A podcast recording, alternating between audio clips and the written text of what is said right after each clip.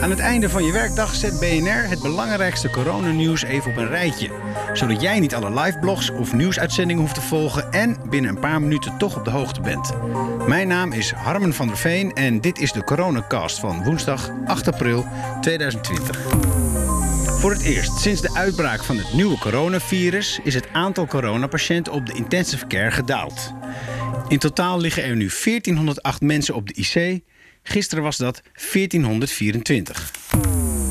Een overgrote meerderheid van de Tweede Kamer is voorstander van de app die mensen op hun smartphone zouden moeten zetten om de verspreiding van het virus in kaart te brengen en te bestrijden.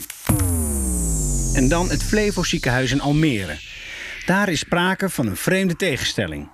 Topdrukte op de corona-IC, dozen stilte in de rest van het ziekenhuis. Anita Arts is voorzitter van de raad van bestuur van het ziekenhuis. Nou, ik probeer het nog als één ziekenhuis te zien, maar het is wel waar dat er een dominant corona-afdelingen en coronazorg in is gekomen.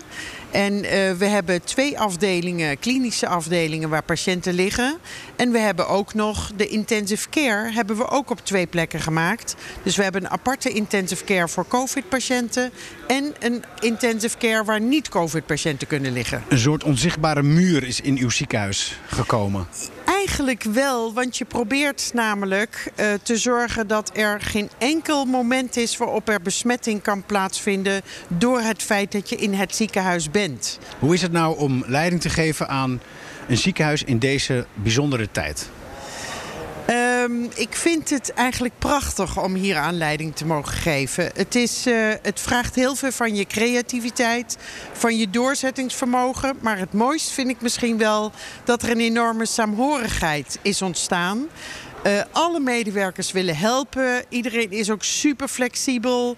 Oud-medewerkers bellen op dat ze willen helpen. Dus wij snappen met z'n allen. Wij staan ervoor om nu iets te doen waarvoor de kern, hè, wat de kern is van ons bestaan. Het land heeft jullie nodig en jullie laten zien, we kunnen het.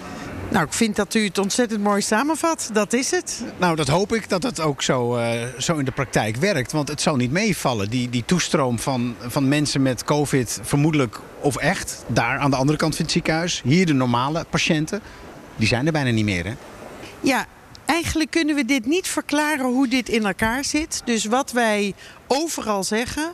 Als u iets hebt, zoals uh, uitvalverschijnselen of plotselinge verlamming, doe dan wat u altijd moet doen. Bel 112. Geen schroom. Geen... geen schroom, want u kunt ook veilig in het ziekenhuis geholpen worden. U hoeft niet bang te zijn dat er hier iets oploopt. Als u acute pijn in de buik hebt, bel uw huisarts en kom alsjeblieft naar het ziekenhuis. Het gebeurt, dat kan gewoon. Maar het gebeurt te weinig, hè? Dus het... u doet deze oproep nogmaals. Ja. Maar toch zijn mensen blijkbaar twee keer bang. Ja. Bang om jullie te belasten en bang om hier te komen en COVID te krijgen. Ja, nou ik begrijp het wel. Want we zijn inmiddels natuurlijk in het land heel erg opgevoed. Binnenblijven en zorgen dat je geen onnodige dingen doet. Alleen de boodschap is natuurlijk: let goed op jezelf. Let ook goed op, op de ander, hè? op je partner, op je kinderen uh, en degene die je nog wel van afstand ziet. Ja. Um, en zorg dat je met elkaar de zorg die echt nodig is, dat je die krijgt. Het zijn uh, bijzondere tijden. Het zijn hele bijzondere tijden. Dank u wel, duidelijk verhaal en veel succes nog de komende dagen. Nou, dank u zeer. Tot zover de coronacast van 8 april. Morgen weer een nieuwe coronacast. Tot die tijd, blijf gezond, blijf binnen. Tot horens.